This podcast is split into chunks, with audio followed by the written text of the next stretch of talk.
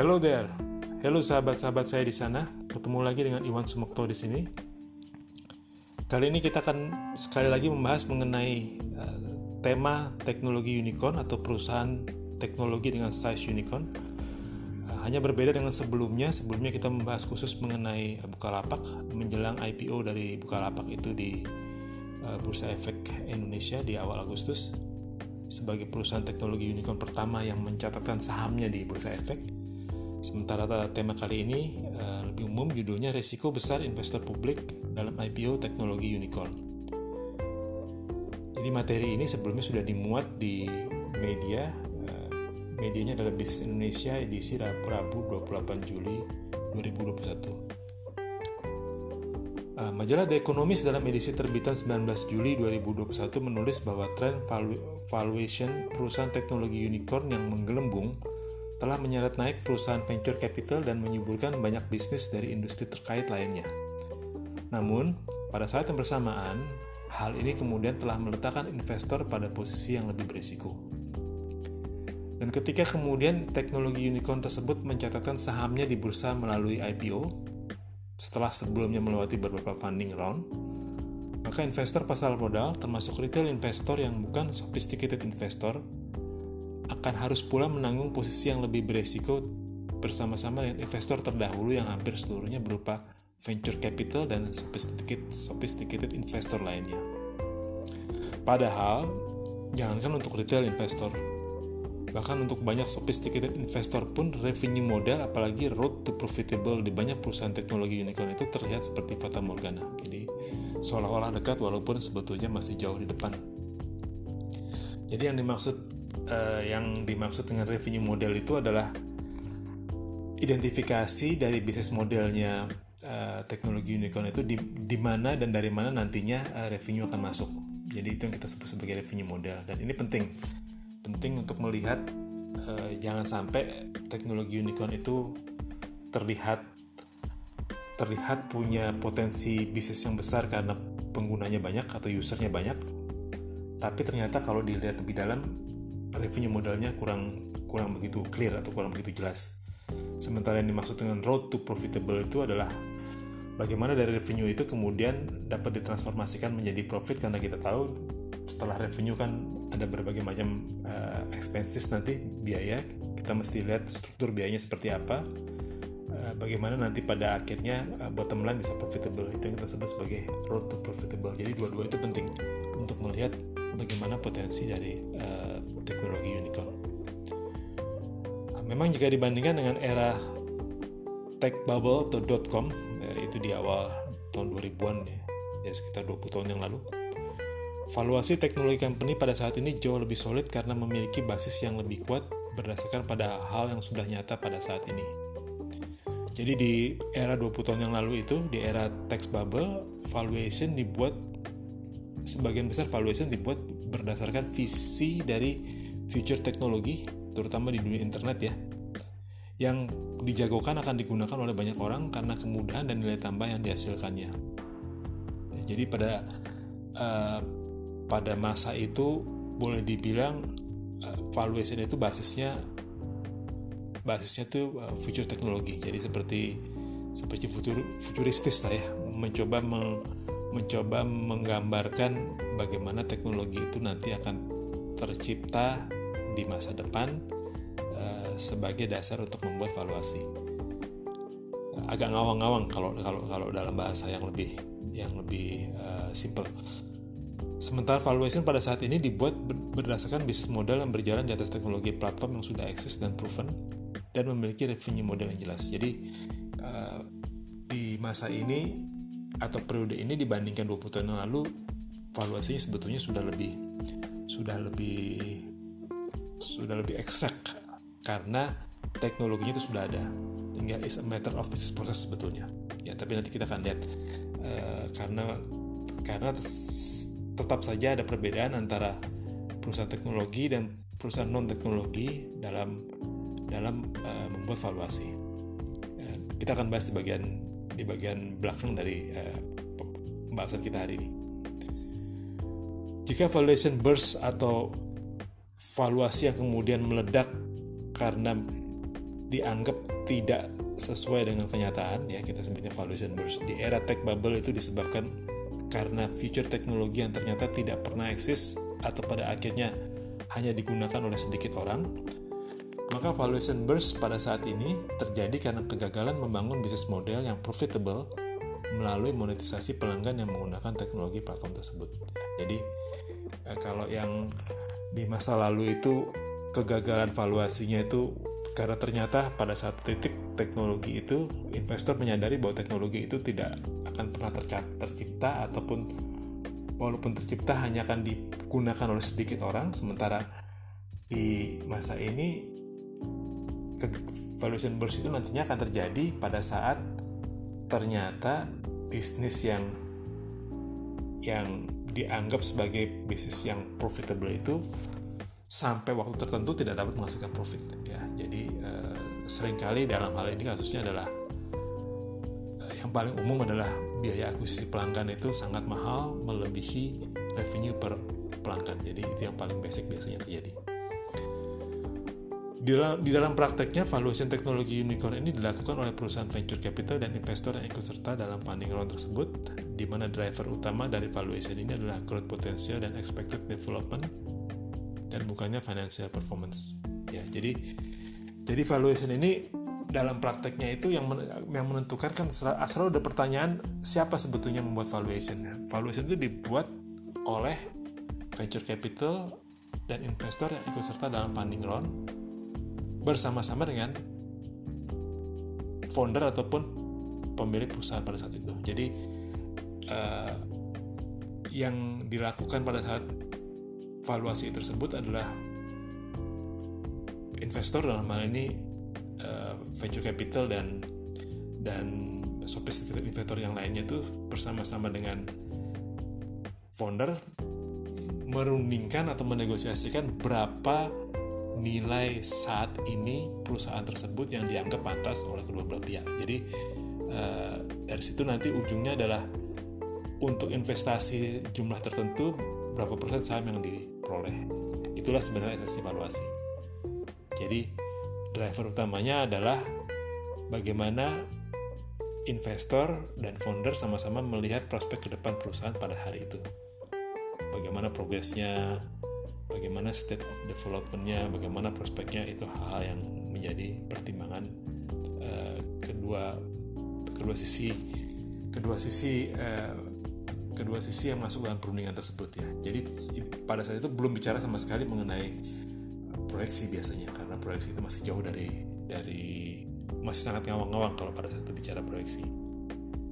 Ya, jadi sekali lagi bahwa yang jadi driver utama pada saat evaluasi itu disusun adalah growth potential, expected development, dan bukan financial performance.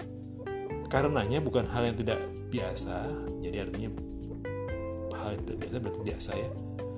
Kalau ada teknologi unicorn yang valuasinya tinggi walaupun belum menghasilkan profit sama sekali. Jadi ini ini bukan hal yang di dunia teknologi unicorn ini bukan hal yang tidak biasa. Banyak hal terjadi. Dan dalam beberapa situasi khusus, seperti ketika teknologi unicorn mengadopsi fast growing strategi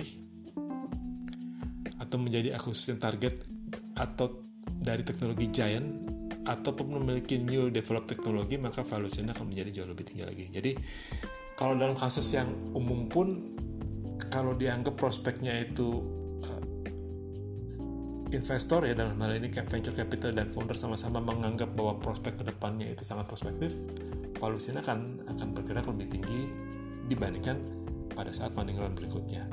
Tapi jika kemudian ada, ada situasi khusus seperti disampaikan tadi, yang pertama fast growing strategi. Jadi fast growing strategi ini adalah strategi uh, untuk secepatnya menguasai market share dalam lima yang besar. Jadi ini ini biasanya butuh butuh uh, investasi yang besar karenanya valuasi bisa naik cepat juga supaya aksi ataupun uh, business plan daripada teknologi unicorn itu dapat segera terlaksana untuk menguasai market share yang besar. Atau dalam situasi yang lain, ketika teknologi unicorn tersebut menjadi target untuk diakuisisi oleh teknologi giant. Ini kan udah banyak kasusnya ya, seperti uh, WhatsApp diakuisisi oleh oleh Facebook ya. dalam situasi seperti itu maka valuasi akan akan naik juga lebih tinggi daripada sebelumnya atau mereka memiliki new develop teknologi jadi ada teknologi baru yang misalnya kalau untuk untuk uh, untuk point to point point to point communication device itu misalnya ada encrypt ada metode enkripsi yang jauh lebih aman untuk kedua sisi itu biasanya nanti uh, nilai valuasi akan lebih tinggi juga. Selain itu valuasi juga bisa melambung, valuasi juga bisa melambung tinggi ketika terjadi merger yang dianggap strategis dan bernilai tinggi. Jadi ini ini ada ada contoh yang konkret misalnya terjadi dengan Gojek dan Tokopedia yang kemudian setelah pasca merger di bulan Mei 2021 bertransformasi menjadi Goto.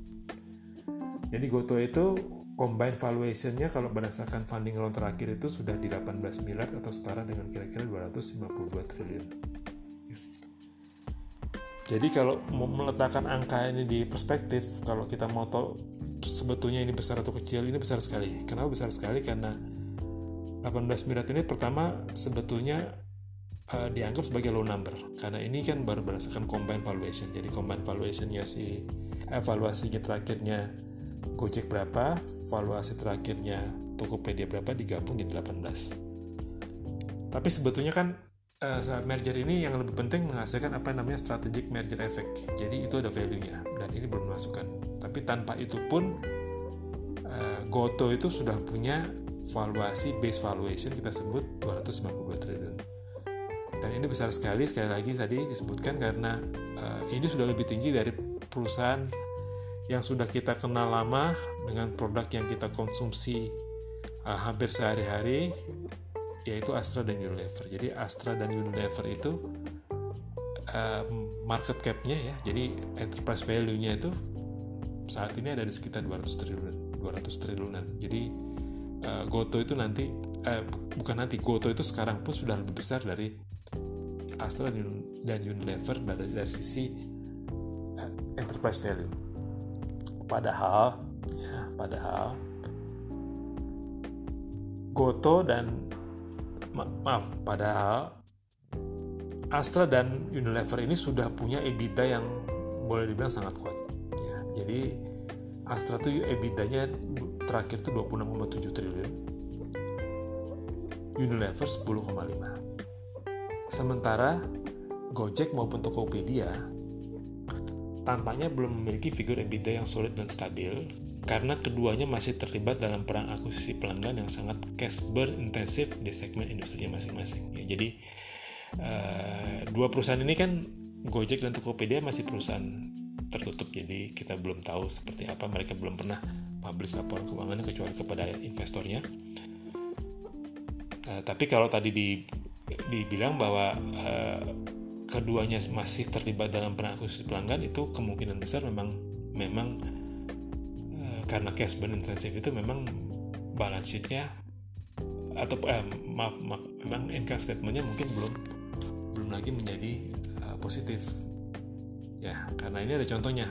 Seperti apa yang kita lihat di di uh, prospektusnya Bukalapak. Bukalapak itu kan sampai dengan posisi quarter 1 2021 juga masih negatif dan kita tahu kira-kira bahwa yang terjadi adalah perang akuisisi pelanggan itu betul-betul cash burn, cash burn intensif sehingga memakan banyak sekali sumber daya pendanaan mereka.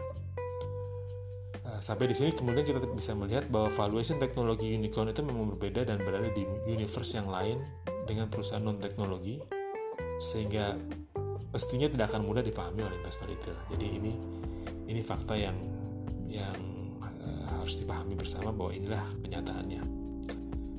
Dalam perjalanan kemudian, valuation teknologi unicorn ini umumnya akan terus naik dalam funding round berikutnya sesuai stage of development dan kenaikan traction yang dicapai. Ya, jadi uh, kalau kemudian kita tahu funding round ini kan dimulai dari biasanya dari angel angel investor dulu ya, kemudian ada round A, round B, round C sampai round D. Bisa terus, bisa juga belum sampai ke D tapi dia udah, udah IPO ya.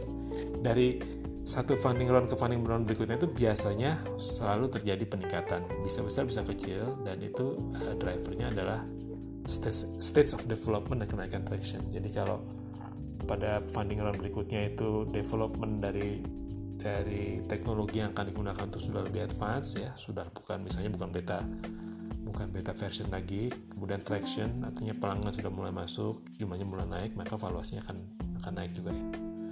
Dan ketika nanti pada satu titik uh, teknologi unicorn ini sampai di tahapan IPO maka valuation itu sudah sampai pada tahap yang sangat tinggi.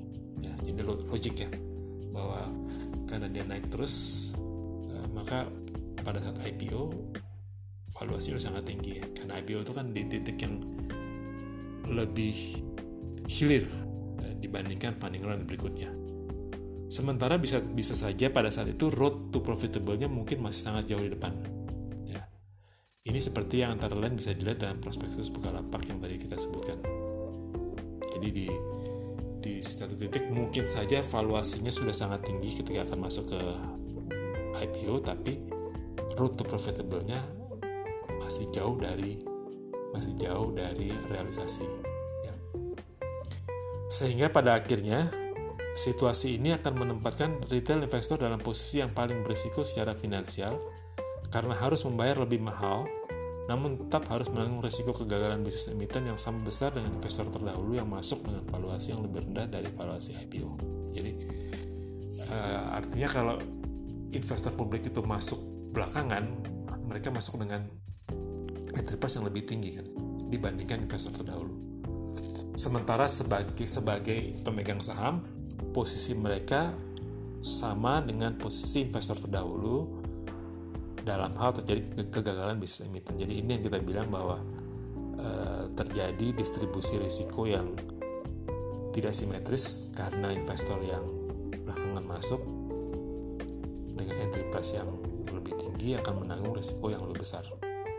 Teoritis secara finansial seperti itu. Ya, jadi ini yang yang e, mesti jadi perhatian untuk investor publik yang akan masuk ke dalam teknologi unicorn itu ya mereka karena mereka masuknya di belakang di, di belakang Selain itu, dengan entry yang tinggi ketika masuk melalui IPO dan ditambah pula dengan porsi share ownership yang sangat kecil dibandingkan investor terdahulu, maka again secara teoritis opsi yang dimiliki oleh retail investor untuk exit tanpa menderita big loss adalah sangat terbatas sementara investor terdahulu dapat exit melalui IPO dengan memperoleh capital gain yang memadai. Jadi uh, downside kedua ataupun resiko kedua bagi investor publik dalam IPO teknologi unicorn ini adalah bahwa nantinya untuk bicara exit scenario ya posisinya investor investor publik itu kan secara secara secara pribadi terutama ataupun secara individual itu kecil sekali. Nah, ketika ketika mereka nanti mau keluar pada saat market sedang bergerak turun tentu akan sulit karena kuantitinya kecil ada investor-investor dengan volume yang lebih besar yang akan keluar lebih dulu dan dan itu nanti akan menghalangi eh, jalan keluar dari investor yang memiliki kepemilikan kecil apalagi entry price-nya tinggi artinya untuk keluar pun juga artinya harus harus harus lebih tinggi juga jika jika tidak ingin menderita loss. Jadi itu yang kita sebut sebagai downside kedua dan uh, ini juga hal yang harus menjadi perhatian dari investor publik dalam melihat prospek untuk masuk melalui IPO pada saat perusahaan-perusahaan teknologi unicorn itu menawarkan sahamnya di bursa efek. Jadi uh, kita tahu setelah setelah uh, Bukalapak di tahun ini rencananya Goto juga nantinya akan akan menawarkan sahamnya di bursa efek. Dan Goto kita tahu susahnya jauh lebih besar daripada Bukalapak dan uh, ini nanti tentu juga harus menjadi perhatian bagi investor publik untuk melihat bagaimana sebetulnya prospek risiko dari investasi di perusahaan-perusahaan teknologi ini kan belum lagi kalau investor publiknya juga sedikit lebih worldwide perspektif mungkin mereka juga udah mulai tertarik untuk beli sahamnya Grab yang uh, ditawarkannya sementara ini masih di bursa efek di Amerika. Jadi itu kira-kira uh, yang yang jadi pembahasan kita pada kali ini.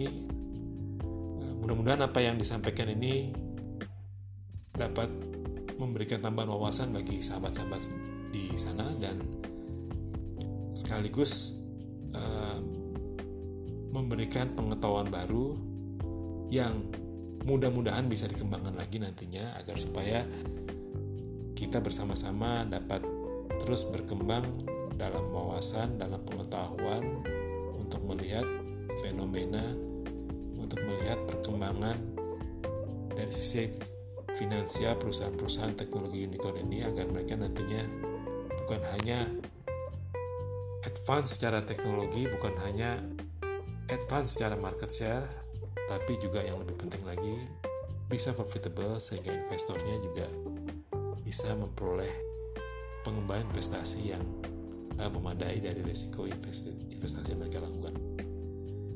Demikian, terima kasih atas perhatiannya. Sampai ketemu di waktu yang lain. Salam.